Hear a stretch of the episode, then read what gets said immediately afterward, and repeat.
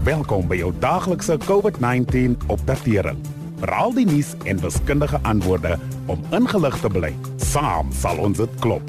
Aangebied deur die Departement van Gesondheid en SABC Radio. Maandag aand het die minister van Gesondheid, Dr. Zweli Mkhize, aangekondig dat toetse vir teenliggaampies ten opsigte van COVID-19 nou wettig is en in Suid-Afrika beskikbaar is. Hoewel sulke toetse vir teenliggaampies nie kan bepaal of jy op die oomblik die virus het nie, kan dit wel aandui of jy in die verlede daarmee geïnfekteer was.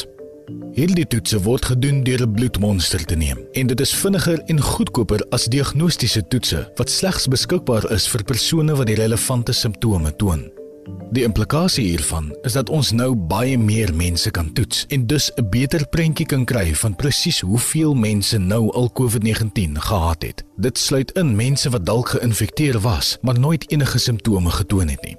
Hierdie addisionele data kan die owerhede se hand sterk terwyl hulle 'n strategie ontwikkel vir ons om saam as land op die pandemie te reageer. 'n Gedeelte van die gemeenskap wat tel onder die wat die swaarste deur COVID getref is, is ons onderwysstelsel. Die sluiting van skole gedurende die pandemie het al ons leerders duur te staan gekom. Dit is veral waar ten opsigte van die wat vanjaar matriek skryf. Dit is egter nie net ons graad 12s wat daardeur geraak is nie. Baie ander leerders en hulle ouers is bekommerd oor hoe ons skooliere die onderrig wat hulle ontbeer het, gaan inhaal. Ons gesels met vandag se gas wat gaan help om die belangrike kwessie beter te belig. Na afloop van vandag se insetsel sal meneer Duke Mashamaite, 'n voorste opvoedingskundige verbonde aan die departement van onderwys in Limpopo, ook beskikbaar wees om vrae wat jy dalk oor die kwessie mag hê op ons Sikaba COVID-19 Facebook bladsy te beantwoord. Vanaand gesels ons met Merle Mansfield, programdirekteur van die Zero Dropout veldtog, verbonde aan die DG Marie Trust.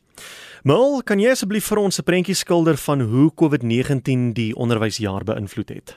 Dankie vir die geleentheid om hieroor te praat. Onderwys is regtig diep getref. Dink net aan al die skooldae wat hierdie jaar verlore gegaan het. Tot nou toe omtrent 12 skoolweke en dit is so lank soos 'n hele kwartaal. En terwyl leerders nog dieselfde hoeveelheid materiaal moet deurkom vir die jaar. Um, dan vat dit ook onderwysers en leerders um, tyd om gewoon te raak aan die nuwe manier van doen by skole leerders wat ook nie toegang het aan aanlyn programme en studieplatforms word die swaarste getref terwyl die wat meer tyd en ondersteuning nodig het ook sukkel en die grootste kommer is dat uh die agterstand die res van hulle skooljare en dalk selfs toekomstige loopbane omver kan gooi. Ons kan nie regtig die volle impak hiervan in die toekoms voorspel nie. Moet mense dan sommer die skooljaar kanselleer en herhaal nie? Baie mense het dit al voorgestel, maar dit is nie 'n opsie nie. So wat 1 miljoen kinders betree elke jaar die skoolstelsel. So as almal 'n jaar moes herhaal, sou ons onderwysers, klaskamers en befondsing nodig gehad het vir nog 1 miljoen kinders in die stelsel. En die ripple effek sou rampspoedig wees ons moet die beste maak van 'n moeilike situasie en teen die einde van van dese maand sal alle leerders terug wees by die skool. Daar sal 'n kort vakansie in Oktober wees en die eindig uh, in die skooljaar eindig dan 15 Desember. Graad 12 begin 5 November eksamen skryf en uh, maak 15 Desember klaar en hulle uitslae sal laat in Februarie uitkom. Hoe word beplan om die verlore tyd in te haal en bevind alle skole hulle in dieselfde situasie?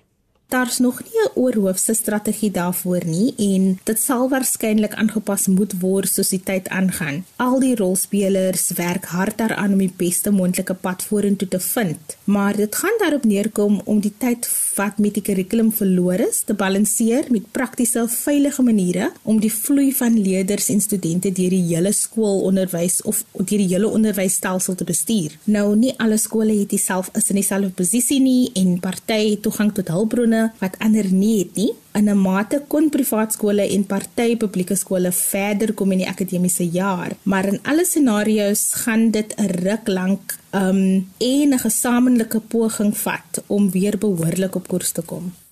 Mal het vroeër genoem dat die vloei van studente bestuur moet word. Wat bedoel jy daarmee? Val dis 'n praktiese kwessie van inkomende en uitgaande studente. Die matriekuitslag gaan byvoorbeeld laat uitkom, waarskynlik eers einde Februarie 2021 en colleges en universiteite kan nie met hulle nuwe termyne of semesters begin voordat studente hulle uitslae kan bevestig nie. Nou dit beteken 'n vertraging van 2 tot 3 maande voordat 2021 se akademiese jaar vir eerstejaars studente kan begin. Nou ons hoop dat soveel moontlik instansies dit met goeie beplanning sal regkry om rondom die onderbrekings te werk. So beteken dit dan dat studente se aansoeke ook vertraag word? Nee, die aansoekprosesse en sperdatums vir skole, colleges en universiteite moet nog steeds nes voorheen gevolg word. En dis van kritieke belang vir ouers en studente wat by skole aansoek doen of van die een onderwysfase na die volgende beweeg of selfs weer inskryf na onderbreking omdat hulle van skole verander. Die instansie het almal hulle sperdatums vasgestel en baie van daai sperdatums is om die draai. Die beste raad vir almal is om dadelik by hulle instansies te gaan uitvind wanneer die afsnydatum is en dan kan jy ook die regering se webwerwe dophou vir aankondigings oor die skool en tersiêre kalenders en ons ons sal ook afkondigings op die Sikaba COVID-19 Facebookblad plaas as ons dit ontvang. Baie dankie aan Mil Mansfield, programdirekteur van die Zero Dropout veldtog verbond aan die DG Marie Trust. Sluit gerus môre weer by ons aan so 'n omgewing van kwart voor 6 wanneer ons praat oor verskillende maniere om ons liggaamlike en geestesgesondheid te bevorder. Dankie dat u geluister het na die daaglikse COVID-19 inligtingstuk aangebied deur die Departement van Gesondheid en SABC Radio in samewerking met die Solidariteitsfonds. Wees veilig, bly gesond. Saam sal ons dit klop.